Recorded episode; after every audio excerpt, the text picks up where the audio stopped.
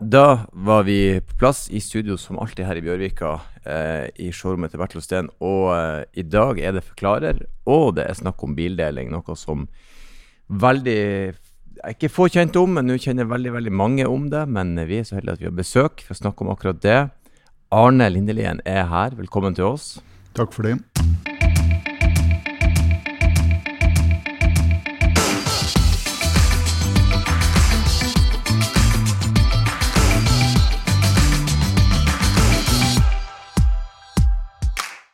Du blir referert til som bildelingens far. Påtar du deg farskapet? Nei, jeg kan ikke det. Men jeg har fått muligheten til å bidra med at jeg eh, styrte bilkollektivet i 20 år. Og det var jo fra skal vi si, en eh, ganske vanskelig eh, ikke fødsel, men spedbarnsalder, og opp til vi var flere tusen deltakere og en bilflåte på noen hundre biler. Sånn at da hadde vi liksom klart strabasene og var in business. Mm. Så på mange måter det første på altså, organiserte bildelingstjenesten?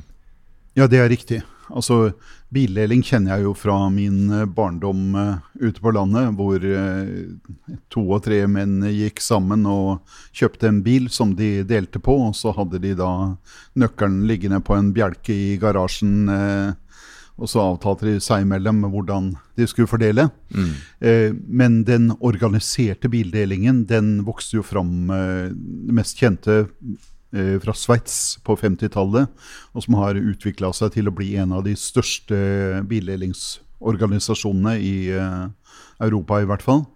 Eh, er, lever i beste velgående i dag bredte seg til Tyskland, og det var nok ideene derfra som ble tatt til Norge på midten av 90-tallet og gjorde at man eh, starta opp i Oslo først. Så kom jo da Trondheim og Bergen eh, ganske raskt etter. Mm. 1950-tallet, det var nytt for meg at det er såpass lenge siden. Men det er jo ganske logisk grunntanke i det hele. Jeg regner med det 50-tallet, bil var dyrt. Hvordan kan vi gå sammen for å fordele det her? Var det det som var grunntanken? Ja, altså Eh, en eh, sånn misforståelse som hele tiden eh, refereres, er jo at en bil står stille 97 eller 96% av tida. Det tenker jeg er tøys. Fordi mm. at ingen kjører bil liksom av sted og returnerer med en gang og setter den fra seg på samme sted. En bil tas jo til hytta eller til butikken eller et eller annet sånt, og der står den og er okkupert. Sånn at uh, vitsen med å kjøre bil er jo å komme til et eller annet sted og komme seg hjem uh, derfra. Mm. Uh, så den ledige tida er nok vesentlig mindre. Men likevel så er det sånn at bruksmønsteret for de fleste, og særlig for de som ikke er avhengig av bil daglig, er sånn at flere kan utnytte samme bil. Og Særlig når man eh, samler dette i en bilpark, altså en større bilpark, så vil man kunne effektivisere dette, sånn at mange kan eh, utnytte det. Når vi starta opp, så eh, regna vi at én bil kunne betjene ca. seks-syv eh, hushold. Mm. Eh, per i dag så eh, tror jeg man er oppe i 15 biler kan betjene, eller 15 hushold kan betjenes av én bil. Sånn at jo større dette blir, jo mer effektivt uh, blir det. Lettere er det å finne liksom, den miksen som gjør at alle får det de skal ha. Mm. Så, altså, så Jo større billedingstjeneste, jo bedre dekning vil den ha på husholdningene? Det, det, ja. det handler om tilgjengelighet til enhver tid? Ja, fordi Eh, hvis du tenker deg eh, at du har en liten bilpool og eh, fem ganger så mange brukere, så kommer du til en eller annen påske- eller sommerferiehelg osv., og, og så vil det inntreffe tidspunkter hvor nesten alle vil ha bil på samme tid. Eh, hvis vi gjør dette større, så er også variasjonen av hvordan man velger å bruke helger, ferier osv. større. Og dermed så er det lettere å eh, få til en god miks, så alle får det de skal ha. Men si også at eh, en stor bildelingsorganisasjon sirkulerer jo biler gjennom systemet hele tiden, sånn at man leaser biler eller anskaffer biler før sommeren. Og eh, så går de i to eller tre år, og så kvitter man eh, seg med de etter sommeren, sånn at man har en ekstradekning i sommermånedene. Og man gjør kanskje avtale med eh, utleiefirmaer, andre som har bilflåter, sånn at man dekker opp i de travle periodene. Mm. Det er jo gevinsten av å være stor, at man da kan skal vi si, ha muskler til å planlegge og administrere den type fleksibilitet. Mm. Kan du ikke si litt om bilkollektivet? fordi at uh, I dag så har vi jo mange sånn ren, Det er jo mange som driver. Bertil Osten har jo sin egen med Otto. Og det finnes, det finnes etter hvert en god del uh, bildelingstjenester som drives på, på, mer eller mindre kommersielt vis. da. Men uh, bilkollektivet var en litt idealisme i bånn nå, eller? Ja, det var det absolutt. Det var jo da eh, entusiaster som eh, starta opp. Og de første styrene, for det var jo da et andelslag med et årsmøte som valgte styre osv. Det var jo en dugnadsgjeng som eh, putta fakturaer i konvolutter og ja, gjorde masse frivillige arbeid.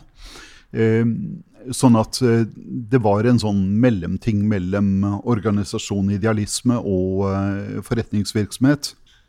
Uh, dette er jo også grunnlaget for altså I bildelingsverdenen så var jo det her brukereide organisasjonene en nærmest farsott på 90-tallet. Veldig mange av de gikk dukken.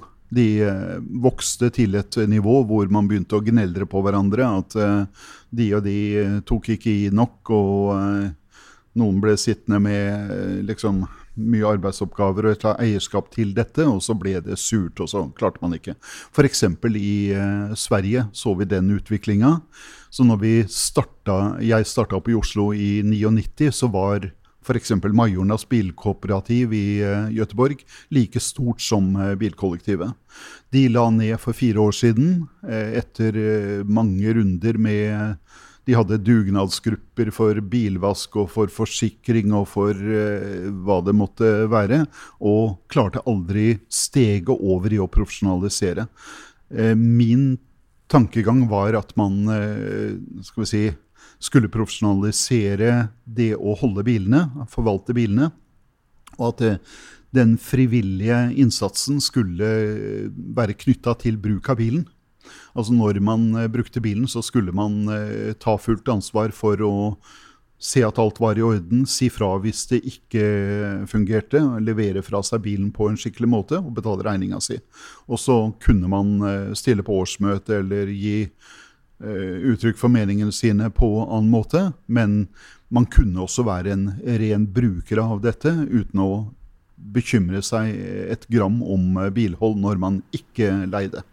Jeg vil jo tro at behovet for profesjonalisering øker jo selvfølgelig med antallet medlemmer. fordi da vil man jo også kanskje tiltrekke seg andre enn idealistene i utgangspunktet, da. Eh, ja, det er riktig. Men erfaringen var jo eh, Altså, Bilkollektivet er jo en av de Både bilkollektivet, bildelringene i Bergen og eh, bilkollektivet i Trondheim er eksempler på at en brukereide organisasjon kan uh, fungere. Mobility Sveits uh, på samme måten, og det finnes ja, EVO i Vancouver osv. som er brukereid, brukerstyrt, og som lever i beste velgående. Men det krever en ganske bevisst forhold til hvordan man fordeler det å yte service, og det å uh, appellere til medlemmene. Uh, noe av det viktige for bilkollektivet var jo det eierskapet som brukerne hadde til konseptet. De opplevde at vi fikk igjen billig pris, god service uh, osv. Når de skal vi si, ytte litt når de leide bil. Og vi så når ting gikk uh, galt, vi var utsatt for uh, innbrudd eller uh, hva det måtte være, så hadde jo medlemmene en voldsom liksom, omsorg og engasjement for organisasjonen, sånn at det fungerte. når jeg tok imot telefoner, og folk sa ja, dette er Hansen fra bilkollektivet, så tenkte jeg yes, du har forstått det. Du er en del av det, og ikke en, eh, ikke en hvilken som helst eh, kunde. Men så har jo det kommet andre aktører som har en annen modell, og det tenker jeg er veldig riktig. Altså hvis man skal eh, eh, Altså, bilkollektivet har som mål å betjene sine medlemmer, eh, og jeg tror det blir bedre både for bilkollektivet og andre hvis man får en større differensiering i markedet. Og da trengs det andre eh, kontraktsforhold, avtaleforhold. Eh, at det kommer inn eh, som Hyre, Otto og Moveabout og nabobil, eller Getaround som det heter nå. at de kan Altså man klarer lettere å nå hele markedet, hele potensialet, hvis man er flere med forskjellig profil. Så Litt skuffende at det ikke er større forskjell mellom tilbyderne enn det det er i dag priser og konsept ligner veldig på hverandre. sånn at der kunne jeg nok uh, tenke meg at uh, det er noe å hente på å få større forskjeller. Men uh, bilutleie har jo vært en greie i, i mange år, sikkert kanskje lenger enn en bildeling også. Hva er liksom hovedprinsippforskjellen da, på å leie en bil hos et av de store bileieselskapene og det å være en bildeler? Ja, det er egentlig mannen i kjeledress som eh, skal vi si, tar imot bilen, kontrollerer den, vasker den eh, og setter den i stand for neste leie. Altså det, Bilutleierne har en høyere servicegrad, og det gjør også at en timesutleie en onsdag kveld når du skal hente poden fra en eller annen trening eller hva det måtte være, det vil aldri bli lønnsomt for uh, bilutleievirksomhetene. Mens bildelevirksomheten, som eh, enten er basert på høy tillit, eh, eierskap til ordningen, eller på automatiserte kontrollordninger, muliggjør den korte leia.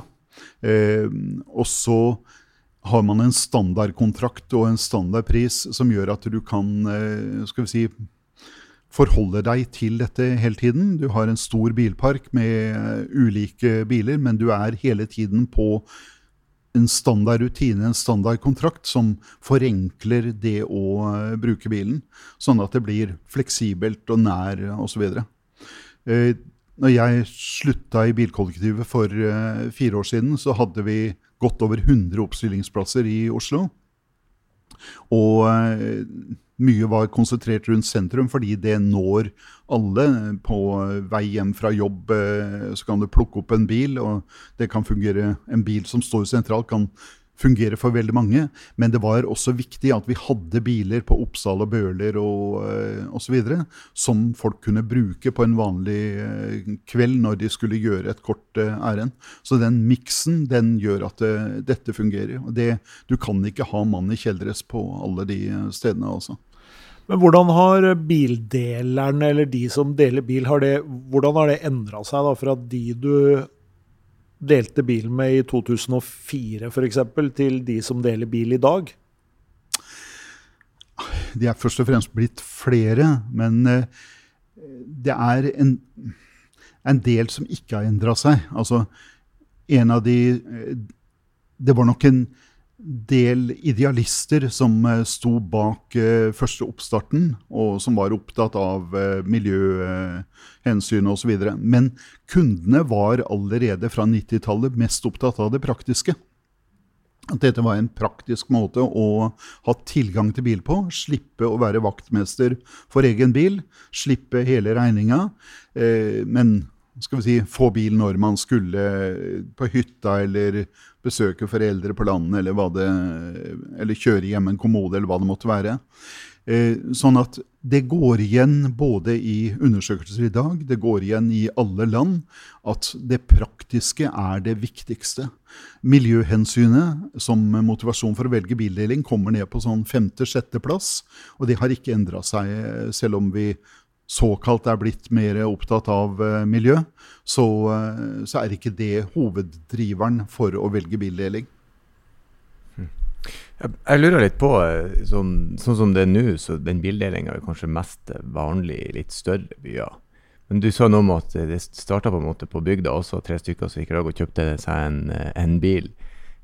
Hvorfor tror du det på en måte har begrensa seg til litt større områder og ikke ennå har bredd seg Norge består jo ganske mye av, av, av bygd.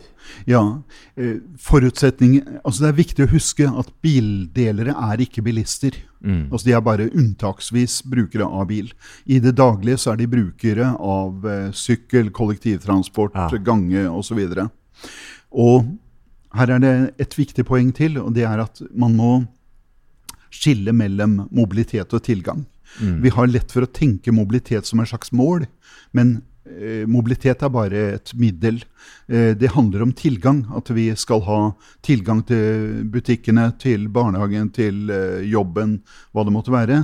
Og der hvor man har god tilgang på de skal vi si, daglige behovene uten at man trenger bil, der ligger det til rette for bildeling.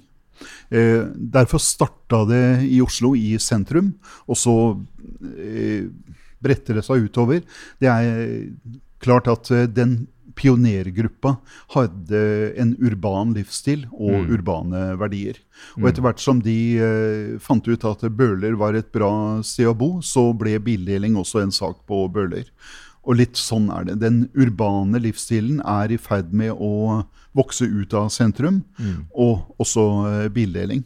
Men det må finnes et godt kollektivtilbud. Du må komme deg på jobb hver dag mm. på en enkel måte for at bildeling skal fungere. Det finnes ingen som bruker bildelingsbiler fram og tilbake til jobb.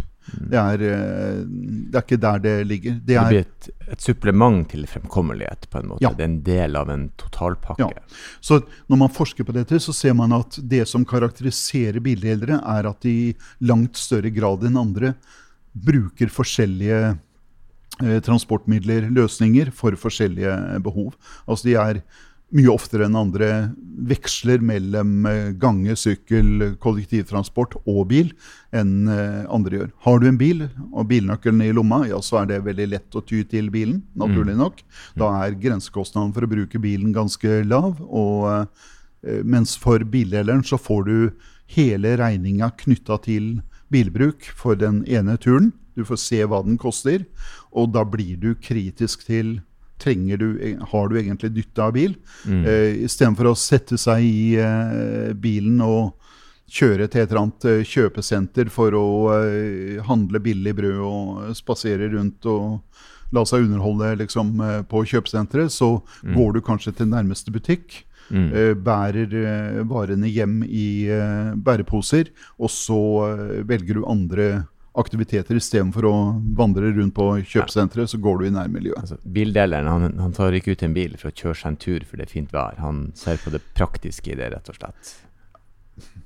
biltur, som eh, eh, jeg vokste opp med som et slags begrep når jeg var barn for veldig lenge siden, det er ikke veldig utbredt hos eh, eh, bildelere. Men la meg si at eh, jeg har møtt på usedvanlig mange bilentusiaster gjennom bildeling. Folk som virkelig syns bil er spennende og morsomt, og, men som gleder seg over å kunne kjøre nye biler, nye bilmodeller, variere mellom ulike biler osv. Så videre. sånn at det, det er ikke noe sånn at bildelere ikke er interessert i bil.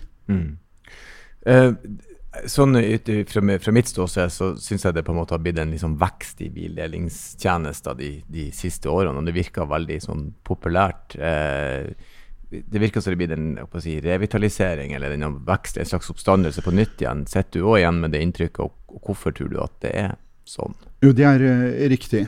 Um, for jeg refererer til, Det er gjort et par undersøkelser eh, for noen år tilbake om eh, potensialet for bildeling.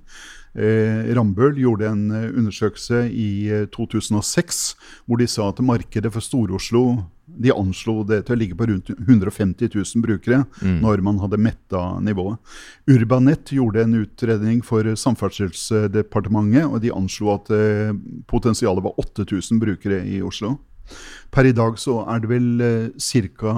80 000 eh, brukere, tror jeg, i eh, Oslo. Kanskje noe mer. Som har erfaring med bildeling, eller bruker bildeling. Og det vokser fortsatt veldig raskt. Sånn at vi er ikke i ferd med å eh, flate ut enda. Sånn at eh, potensialet i Rambølls rapport ser ut til å være riktig. Oslo er en av de byene i verden som har høyest andel av bildelere i forhold til størrelse. Og der skal jeg være med og ta litt ære med at eh, jeg var med å kna denne deigen ganske tidlig. Eh, og gjøre det på en måte som gjorde at folk eh, fikk gode erfaringer med å dele bil. Det er veldig viktig at de som har erfaringer, si, kan dele den gode erfaringen med andre. Det er liksom innfallsporten for mange, at du hører om noen som har mm. prøvd dette, og som har positive erfaringer. Mm. Jeg tror vi er nødt til å invitere Arne tilbake og gjøre en ja. episode til rett og slett om uh, hva som er neste steg i bildeling. Og kanskje litt uh, antageligvis som med alle ting da, som skal utvikles, så er det noen det er noen sånne step som du må ta, og så er det noen ting som gjør det vanskeligere å, å lykkes. Tenker at uh, Det hadde vært interessant å høre enda litt mer i detaljer om det. Absolutt. Jeg syns det var veldig hyggelig at du tok deg tid i dag til å komme innom og snakke litt om oppstarten og alt rundt det. Så jeg avslutter som jeg alltid gjør, med å si takk for besøket, og kjør forsiktig. Takk, takk.